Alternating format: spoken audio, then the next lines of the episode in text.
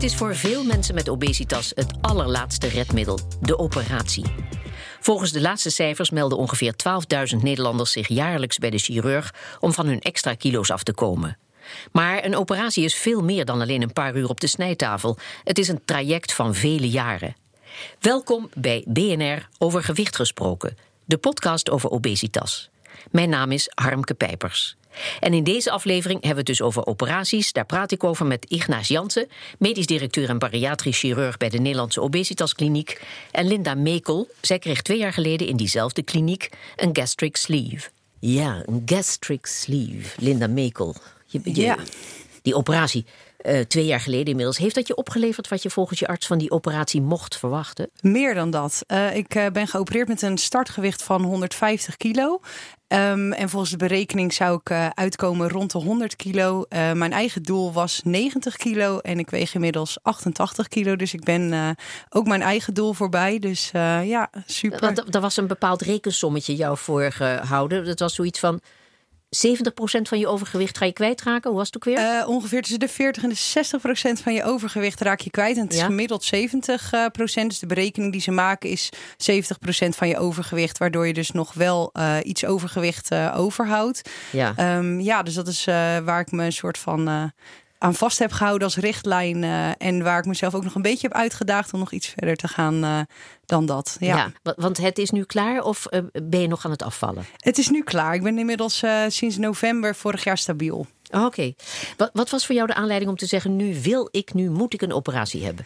Eh, nou, in eerste instantie dat ik eh, mijn dochtertje kreeg en dat we voor de eerste keer met haar gingen zwemmen. En daar hadden we zo ontzettend naar uitgekeken. En toen was het zover. En toen dacht ik, ja, eh, nu kan ik eigenlijk niet genieten van de eerste keer zwemmen met mijn dochtertje. Omdat ik zo bezig ben met hoe zal iedereen naar me kijken. En dan moet ik straks met mijn dikke lijf dat, dat hokje uit in mijn badpak. En dat vond ik zo vreselijk. En toen dacht ik, nu is het gewoon klaar. En daarbij woog ik, zoals ik net al zei, 150 kilo. En ik was op een gegeven moment ook op het punt aangebroken dat ik, eh, ja, dat ik dacht, ik kan nu zelf weer gaan afvallen. Ik kan weer knijterhard mijn best doen en er jaren over doen om 25, 30 kilo af te vallen. Maar dan heb ik nog steeds ernstig overgewicht. En toen dacht ik, nu is het, eh, nu is het klaar en nu ga ik voor de grote, ja, voor de grote omschakeling. Ja. Want, want dat is wat je had gedaan. Oh, he- vele pogingen. En, Heel veel, ja, ja. Ik ben eigenlijk vanaf kleins af aan altijd al eh, ja, te dik geweest. Altijd al overgewicht gehad gehad. Ehm, en toen ik 16 was, toen eh, kreeg ik een scooterongeluk. Daarvoor bleef het altijd nog wel stabiel.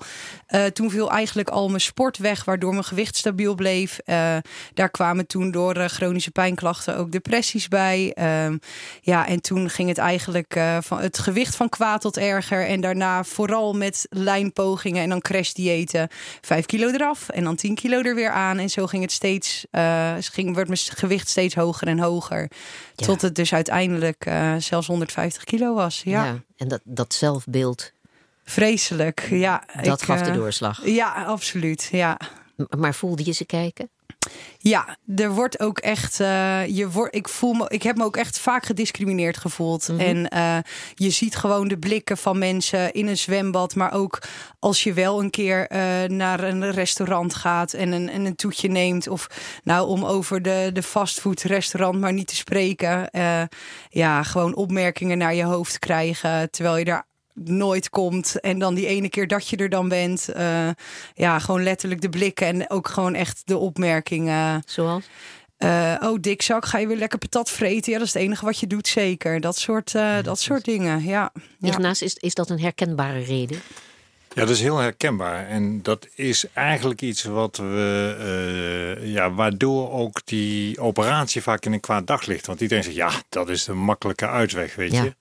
Terwijl in de omgeving waar we nu leven, is het gewoon, it's not your fault, zeggen we dan. Het, het, het is niet jouw schuld, want je wordt door de omstandigheden, word je vaak zo gedwongen. En Linda, jij vertelde het zo mooi, hoe het eigenlijk is gebeurd. En precies wat wij iedereen aanraden, werkt vaak averechts. Namelijk, hey, even diëten en dan Ja. komt het wel goed. Zo makkelijk is het. Maar dat werkt meestal averechts. Dus de mensen die alleen met dieet aan de gang gaan, die komen juist steeds elke keer weer. Het afvallen lukt, maar daarna kom je weer meer aan dan je Omdat- verloren bent. De, de thermostaat van je lichaam eh, raakt anders ingesteld, zou ik maar Ja, zeggen. dus en het setpoint, je lichaam die wil eigenlijk altijd op gewicht blijven, maar krijgt het te weinig eten, dan Ja. zegt het, nou dan moet ik een beetje reserve inbouwen en dan word je er wat zwaarder van. Ja. Goed, het is, uh, het is geen makkie. Uh, ik heb bovendien begrepen dat er uh, richtlijnen zijn. Hè, of je wel of niet voor zo'n operatie in aanmerking komt. Vertel, wat voor richtlijnen zijn dat? Nou, die zijn eigenlijk heel makkelijk. Er zijn leeftijdsrichtlijnen, dat wil zeggen tussen de 18 en de 65 jaar.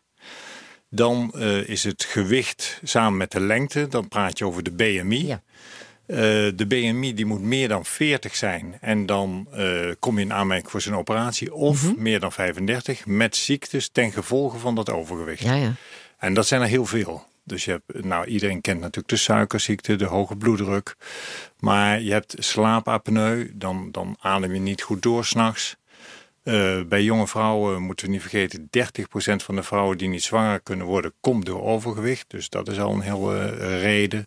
Nou, zo zijn er eigenlijk veel meer ziektes die ontstaan ten gevolge van het overgewicht. En dat zijn allemaal redenen om dan te zeggen van ja, dan moet er toch iets anders gedaan worden. Ja. En van een eerste intake tot het moment dat je op de snijtafel ligt, hoe lang duurt dat zo ongeveer? Nou, dat hangt er dus een beetje vanaf. Uh, dus in Nederland is het zo dat de richtlijn, behalve dus die, die uh, dingen die ik al genoemd heb, komt er ook bij dat er zeggen ze er moet een last resort zijn. En dat last resort wil zeggen dat je met een professional een afvalpoging hebt gedaan mm -hmm. van tenminste een half jaar. Ja. En nou, dat is dus precies. Dus kom je bij de screening van ik wil graag geopereerd worden en je kan laten zien van dat heb ik al gedaan. Nou, dan kun je vrij snel gaan beginnen.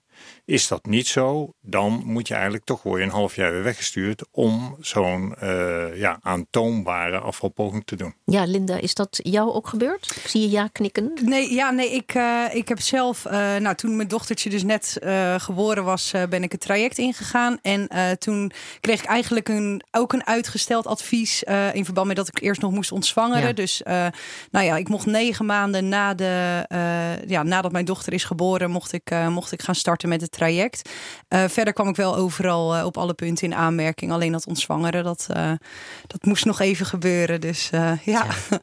Maar goed, die operatie is dan eigenlijk nog maar het begin. Hè? Want patiënten moeten ook daarna hun leven omgooien.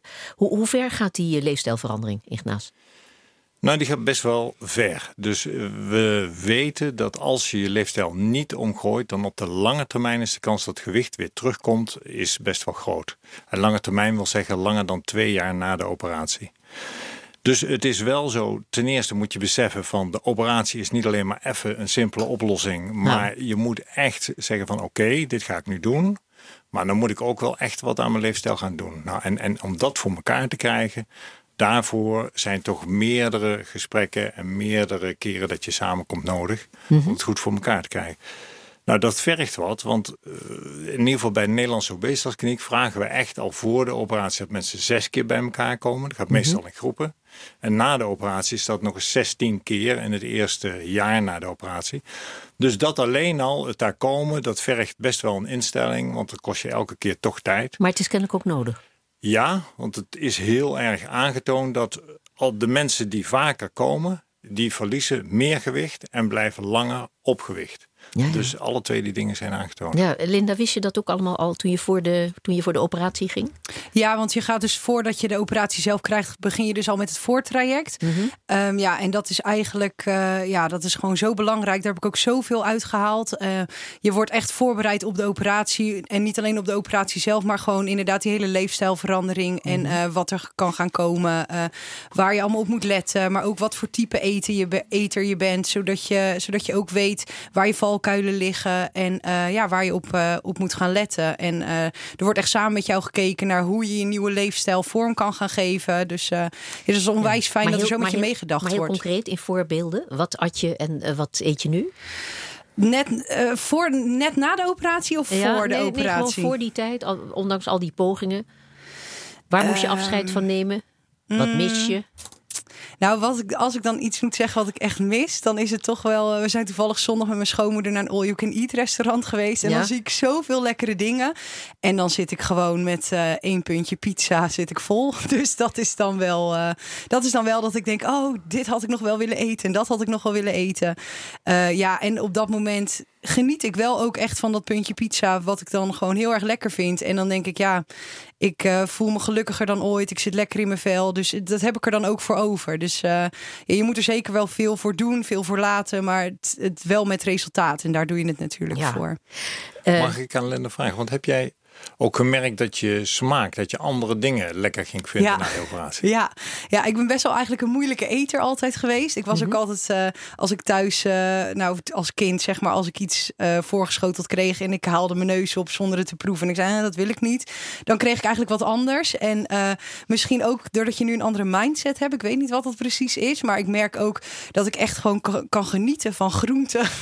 Terwijl ik daar voorheen had ik daar echt, nou had je daar echt niet mee hoeven aankomen, zeg maar. Nee, absoluut. Dat ik, en dat ik nu ook echt ernaar uit kan kijken. Dat ik denk, oh lekker, we eten spersieboontjes vanavond. Ja, ja, maar dat klinkt dus alsof je er niet veel moeite hebt om nu op dat gewicht te blijven. Mm, Nee. Want je voorkeur is duidelijk veranderd. Of eh, zie ik dat optimistisch? Ehm, nou, ik denk als je net geopereerd bent, dan zit je natuurlijk ook heel erg ehm, eh, in die nieuwe lifestyle, leefstijl waar je ook nog een eh, soort van een nieuwe vorm in moet vinden.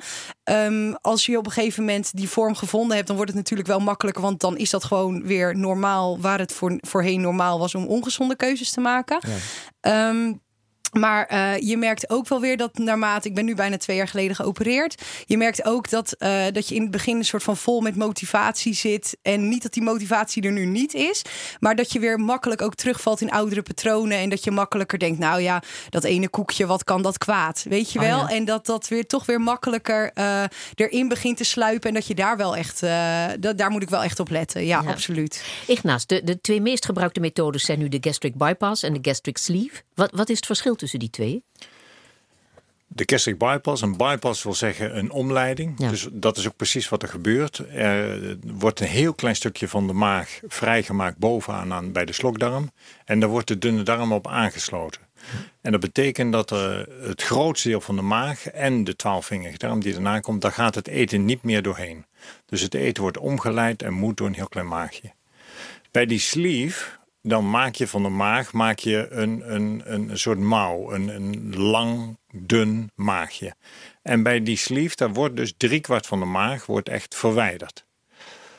Alle twee die ingrepen, die helpen heel goed om af te vallen. En vroeger dachten we nog dat die eh, gastric bypass, dat die het meeste effect had op eh, de hormonen, die je hongergevoel en waar je trek in hebt, want dat verandert allemaal. Ja. Dat is ook wel meer dan bij de sleeve, maar ook de sleeve, daar gaat het hongerhormoon ghreline heel erg naar beneden. Dus ook de sleeve heeft niet zo dat je niet alleen maar niet kan eten, want dat is in het begin ook zo, maar je hebt ook minder trek en Ja, dat ja. maakt het heel makkelijk. ja. Eh, jij koos voor de, gas, eh, je- jij koos de, de gastric sleeve, Linda. Ja, Waarom klopt. was dat? Ehm, nou, ik, had, eh, ik was een beetje bang voor de dumpings die eventueel bij een gastric bypass eh, zouden kunnen horen. Dat zijn eh, op het moment dat je bijvoorbeeld ja, te veel suikers binnenkrijgt, dan kan je lichaam daar heel heftig op reageren, waardoor je heel erg ziek wordt. Ehm, daar was ik best wel bang voor, al moet ik zeggen dat bij een sleeve ook dingen wel verkeerd kunnen vallen en je eigenlijk net zo ziek daarvan kan worden. Ehm, en ik heb nog een kinderwens en eh, ja, eh, er werd mij verteld dat eh, bij een sleeve dat gewoon de opname van vitamines toch wat beter is dan bij een bypass. Dus als je nog een kinderwens hebt, dat je dan ja, dat een sleeve dan in dat geval een betere, ja, betere optie zou zijn. Ehm, en daarbij had ik ook zoiets van het gerommel aan mijn darmen hoefde van mij ook niet. eh, Ja. Niet zo. Ja, dat zijn gewoon gevoels, gevoelsmatige kwesties. Maar eh, ja, dus dat heeft mij eh, doen besluiten tot een Ja. Maar, maar de meeste mensen, eh Ignaas, die denken bij zo'n operatie aan een maagbandje. Heb Ja. je een maagbandje? Dat was eh, enorm populair. Waarom is die nu uit de gratie? Nou, maagbandje, daar zijn we eigenlijk eh, mee begonnen in de negentiger jaren. En dat werkte, dat was eigenlijk een vrij veilige operatie.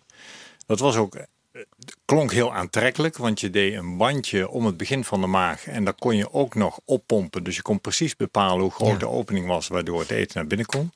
Maar dat is ook een beetje precies wat het lastige ervan was. Dat was echt iets waardoor je moeilijk kon eten, terwijl je wel honger had. Ja, ja. En dat had dus geen invloed op die hormonen, wat deze operaties van tegenwoordig wel hebben. En we hebben dus gemerkt dat dat de eerste vijf jaar prima was. Maar na langere tijd kregen steeds meer mensen er moeite mee en kreeg je problemen, waardoor uiteindelijk ongeveer de helft van de mensen is het bandje verwijderd en toch een andere operatie gedaan. ja, ja.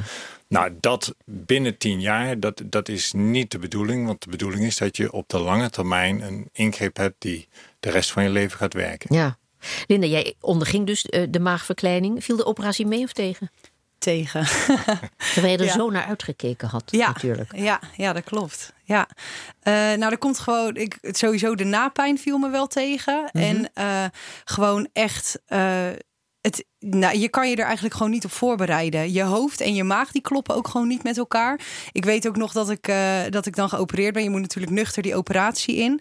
En ehm, nou ja, dat ik op een gegeven moment geopereerd was. En eh, ik lag daar eh, in het bed. En ik mocht voor de eerste keer wat eten. En ze, de, de verpleegkundige die kwam aan met een, met een heel klein plastic bekertje. Met, met echt een laagje van, ik denk, een centimeter met eh vla erin.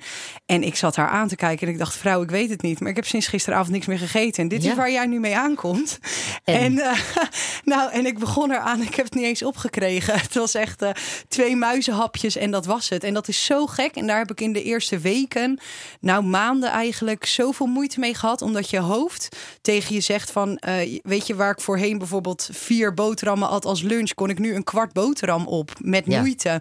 En daar deed ik dan ook echt een kwartier tot een half uur over, over een kwart boterhammetje. Dat is zo onwerkelijk. Maar ondertussen dacht je misschien ook hooi als je op de weegschaal ging staan. Dat zeker, ja. Ja. En dat is wat het, eh, wat het dan ook haalbaar, ja, wat het, wat het dra- zeg maar soort van draaglijk of zo maakte. Maar ik vond het wel echt afzien eh, Mhm. Ja. in het begin. Ja. Ignaas, is, is het eh, zo'n gastric bypass of gastric sleeve?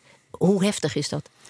Het, is, eh, het zijn grote operaties. Mensen eh, denken wel eens het valt mee, want we doen het met kijkoperaties, waardoor je aan de buitenkant wat kleine sneetjes hebben. Dus dan denk je, ah ja, dat is, valt wel valt mee. wel mee, ja. Maar ja, zeg maar 15 jaar geleden was het nog zo. Dan maak je die hele buik open. Ja. En dan, ja, zeker bij die bypass, eh, alles aan elkaar aansluiten. Dat is- zijn grote ingrepen. Ja. Dus één, die ingreep is groot. De andere kant is dat het wel heel veilig kan. De veiligheid is vergelijkbaar met een galblaasoperatie. Ja, ja. Dus dat is weer heel goed.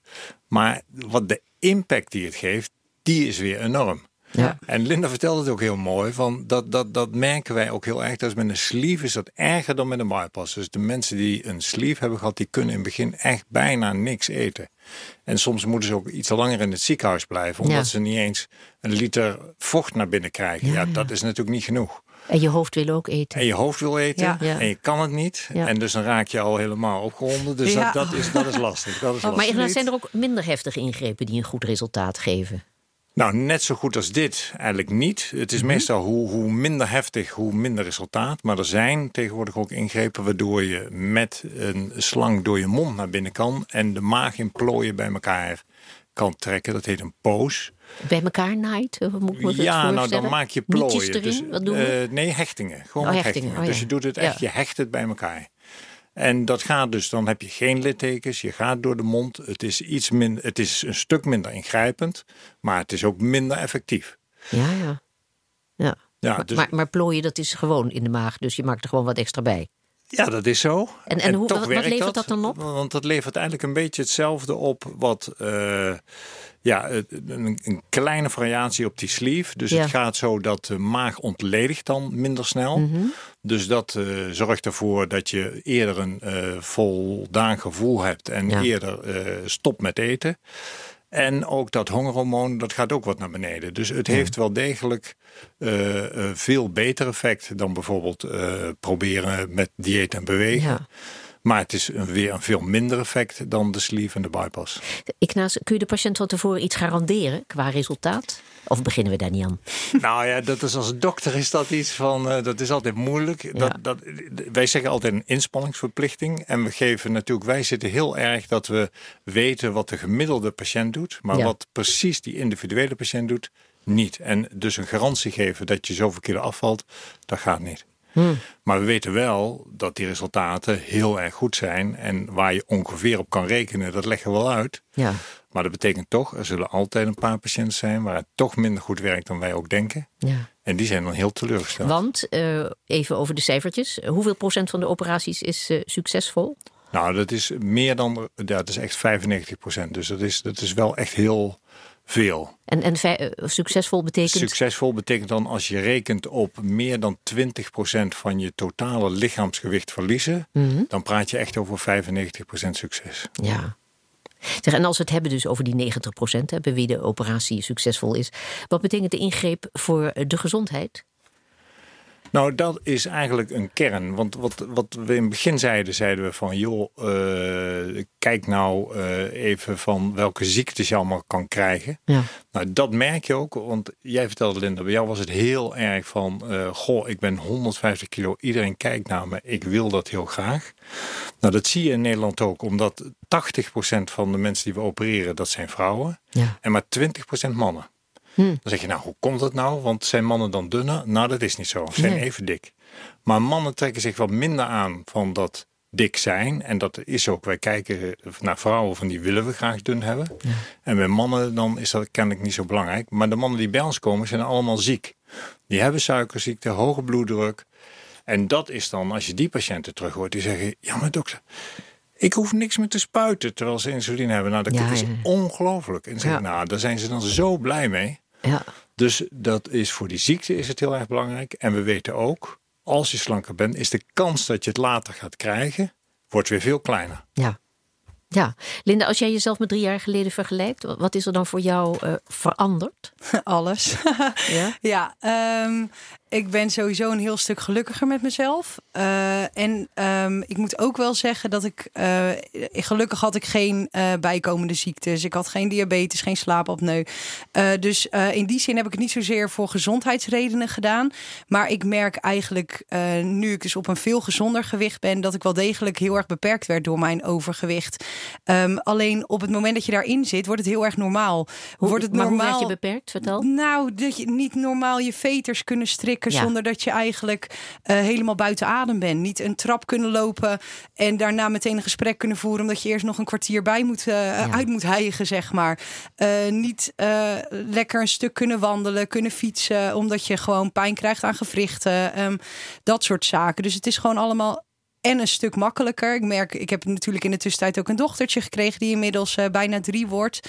Um, ja, weet je, ik kan nu gewoon lekker met haar spelen, met haar dansen, met haar leuke dingen doen. Ja. Uh, ik dans de hele kamer met haar rond en het kost me niet eens energie. Het geeft me juist energie waar ik voorheen dacht, nou, laat mij maar lekker op die bank zitten, want uh, het doet allemaal veel te pijn en het kost allemaal veel te veel energie om, om wel actief bezig te zijn. Ja, zeg, en, en je hebt minder honger, maar wel weer het trek die je waar je weerstand aan moet bieden?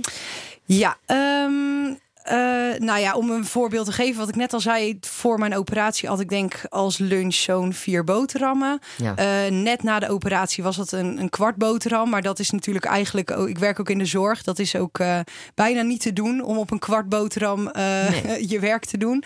en nu zit ik zeg maar weer als lunch aan één boterham, soms nog een uh, stukje fruit of een klein kopje soep erbij. Dus uh, het is weer wat haalbaarder. En uh, ja, het wordt, het wordt wel. Het, ja, het, de oude patronen komen wel weer terug. Het, zeg, en, en, hoe zijn je collega's dan? Want mensen die afvallen, die krijgen ook vaak door. Ah joh, je moet een beetje eten.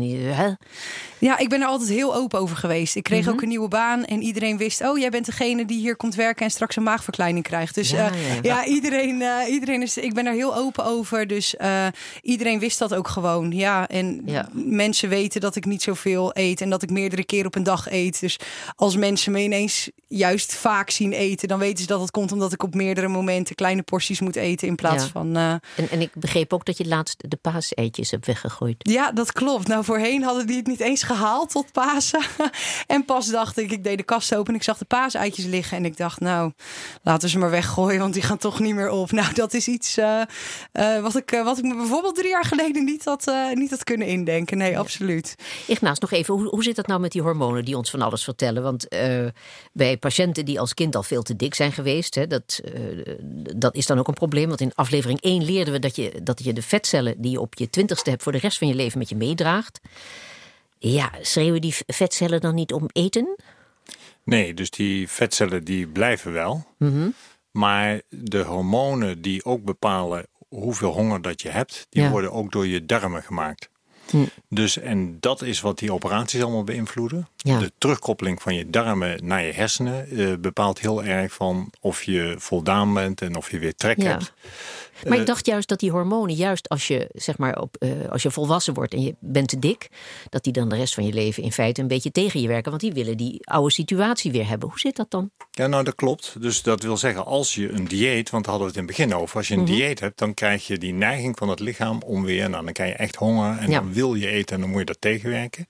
Als je die operatie hebt gehad, wat er dan gebeurt met die omleiding, dan komt dat eten dus direct in die dunne darm terecht. Ja, ja. Dus direct krijg je een terugkoppeling vanuit die dunne darm naar je hersenen toe van ho, ho we hebben genoeg gehad, uh, ja, hoeft even ja, niet meer. op die manier. Nou, en dat bij die sleeve is eigenlijk hetzelfde. Dat is heel lang slank in die maag en dan gaat dus heel snel die dunne darm in. Ja. Dus behalve dat hongerhormoon van die maag wat heel laag is, want dat is het stukje waar dat gemaakt wordt, dat wordt uitgeschakeld bij de bypass en dat wordt weggehaald bij de sleeve. Ja. En uh, dus dat is heel laag. En die hormonen van die darm, die veranderen omdat het eten op een hele andere manier in het darmstelsel komt. Ja, ja. En daardoor krijg je dus een hele andere terugkoppeling. ja. Darmhormonen zijn ook heel belangrijk. Darmhormonen. Voor iedereen, maar ook in dit geval. Nou ja, weet je, het, ik ben chirurg, dus ik kan niet zeggen dat ik daar heel veel verstand van Mhm. heb. Maar toen ik hiermee begon, wisten we dat überhaupt niet, dat die eh, darmen allemaal die hormonen maakten, 15 jaar geleden. Ja. Ondertussen in de afgelopen 10 jaar weten we dat er al 28 zijn er van die hormonen die terugkoppeling geven. En we kennen, ja, ik ken alleen de belangrijkste dan. Maar die terugkoppeling van die darmen terug, zowel direct naar de hersenen als naar de alvleesklier die bepaalt hoe het met de insuline moet. Dus er is veel meer terugkoppeling vanuit die darmen naar het lichaam toe dan we vroeger dachten. Dus Ja. die zijn heel belangrijk. Dus het is een, een hele ingrijpende ingreep. Nou, dat is helemaal waar. Ja. Om niet te zeggen een borte ingreep. Ja, een botte ingreep, maar wel ook weer een mooie ingreep voor het succes voor de mensen die er zoveel plezier van hebben. Zo bedoel ik dat ook. Want bij een klein deel van de patiënten valt het gewichtsverlies eh, toch tegen. Eh, hoe komt dat dan? Is dat dan de schuld van de patiënt? Zijn we geneigd dat te denken? Of, eh, Dat denken we niet? wel. Ook als chirurg denken we dat Oh ja? vaak, zal ik eerlijk zeggen. Ja, dan denk je, ja, goh, dan heb ik zo'n goede operatie gedaan. Waarom val je dan niet af? Dat, Ja. is, nou, dat denk je natuurlijk wel. De universiteit waar ze dat hebben nagezocht, dan blijkt eigenlijk meestal bij deze mensen dat dus die terugkoppeling van die hormonen, dat dat niet zo efficiënt is als bij de meeste andere patiënten die Ja, ja. geopereerd is. Dus die hebben nog wel hogere spiegels of lagere spiegels, afhankelijk van Ja. welk hormoon je bekijkt. En dat is ook de reden waarom men denkt van, als het dus niet goed werkt, dan is er een ruimte om dat met medicijnen eh, de werking te gaan verbeteren. ja, en, en dat gebeurt ook? Ja, nou daar zijn we eigenlijk pas helemaal in het beginstadium. Dus wij starten zelf eind van dit jaar met eh, hormonenbehandeling. Om die bij te geven als mensen toch minder afvallen dan we gedacht hadden. Ja, En dan moeten we ook nog bewijzen dat dat echt werkt. ja, ja. Er zijn wel al klinieken natuurlijk waar ze dat uitgeprobeerd hebben. Maar dat zijn hele kleine aantallen. En dat lijkt wel bij het grootste deel van de mensen, 70% lijkt dat goed te werken. Ja. Hadden het er al even over dat eh, in, in uw vak is het nodige veranderd. Hè? En ook in de, in de inzichten over die hormonen enzovoort. En over de darmen. Want sinds 95 zit u in dit vak. Ehm, veel veranderd. Wat is er veranderd? Nou, een van de dingen is natuurlijk heel belangrijk, is dat eh, dat maagwandje dat in het begin dachten we, nou dat is het helemaal. Ja. En dat doen we nu eigenlijk helemaal niet meer. Mhm. Eh, dan is die veiligheid is enorm verbeterd. Toen ik begon, zeg maar, toen deden ze die operaties, net zoals die bypass deden ze met een open operatie. En daar ging Ja, nog, ja, bijna 10% van de mensen kwam in heel ernstige problemen. Dus dat was echt een heel gevaarlijke ingreep. Ondertussen Want het was een grote wond. het is een hele grote wond. Ja. Als je een wond hebt bij iemand met overgewicht, dan, dan krijg je heel makkelijk daar ontstekingen in. Dus ontstonden vaak ontstekingen, heel vaak problemen. Eh, tegenwoordig ja, doen we dat eigenlijk niet in Nederland in alle klinieken. Dus we noemen maar in 18 klinieken. Dus er zijn allemaal chirurgen die zich daar helemaal in gespecialiseerd Ja. hebben. En daardoor is het een veilige operatie geworden. Die, en mensen kunnen dus ook ja, de dag na de operatie meestal naar huis. Nou, toen ik begon, lagen ze minstens vijf dagen in het ziekenhuis natuurlijk. Ja. Dus er zijn qua veiligheid en qua snelheid zijn er hele veranderingen. En wat ook veel duidelijker is geworden, want ook als chirurg van it's not your fault. Dus het is echt zo dat, dat, dat, dat, dat beseften we maar niet, dat mensen die zeggen dan van ja, maar ik heb de hele tijd honger. En dat verdwijnt dus door die operatie. Ja. En wij dachten al, ja, honger beheers je nou een beetje. Als je dat zelf niet kent, als je zelf, ik ben niet dik, dus ik hoef er eigenlijk niet voor op te passen wat ik eet. Ja. Want als ik eens uh, uit eten ga en ik eet veel te veel, heb ik de volgende dag eigenlijk geen honger. En daar, daar, daar, daar hoef ik niks aan te doen en eet ik veel minder. Maar die mensen die hebben gewoon honger. En dat kun je bijna niet voorstellen wat dat betekent. Dat je de hele tijd moet vechten om dat gewicht uh, onder controle te houden. En je wordt erop aangekeken. Eigenlijk denk ik dat overgewicht nog een ernstige discriminatie is dan uh, huidskleur bijvoorbeeld. Ja. Uh, als je naar banen kijkt, hoe serieus je wordt genomen, het is echt, het is echt heel ernstig. Ja. En het is onze maatschappij die het eigenlijk de omstandigheden maakt, waardoor we vanzelf eigenlijk dat verkeerde eten gaan nemen. En toch geven de individu de schuld van dat het zover is gekomen. Dat Ja. is gewoon niet correct. ja, en we doen dat dus ook met kinderen. En we doen het ook met kinderen, absoluut. Ja. Dus als je ook bij kinderen kijkt op schoolpleinen, altijd, maar dat is al, al heel lang, degene die gediscrimineerd is, is het dikkertje. Die mag niet meedoen. Ik ben ook altijd gekozen. gepest vroeger. Ja, altijd. Ja, ja, ja, ja. echt zo.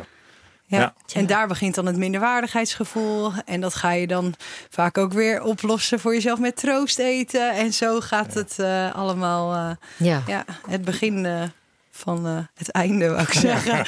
maar eh, ja, die kant gaat het dan wel. Nou, over het eh, einde op. gesproken, wat, deze, wat deze aflevering van de podcast. Jij hebt je operatie nu gehad. Je vond de operatie pijnlijk. En bij het eten moet je nog goed opletten. Maar het was het allemaal waard, hè? Absoluut. Ik zou het zelfs, als ik, had ge- als ik van tevoren had geweten wat het me allemaal had gebracht, had ik het eerder gedaan. Ja, absoluut. Ja, Oké, dank voor je komst. graag gedaan. Linda Mekel, die dus twee jaar geleden een maagverkleining kreeg. En Ignaas Jansen, medisch directeur en bariatrisch chirurg bij de Nederlandse Obesitaskliniek. Dit was BNR over gewicht gesproken, de podcast over obesitas. In de volgende aflevering hebben we het over obesitas op de werkvloer. Mijn naam is Harmke Pijpers. U hoort nog van mij.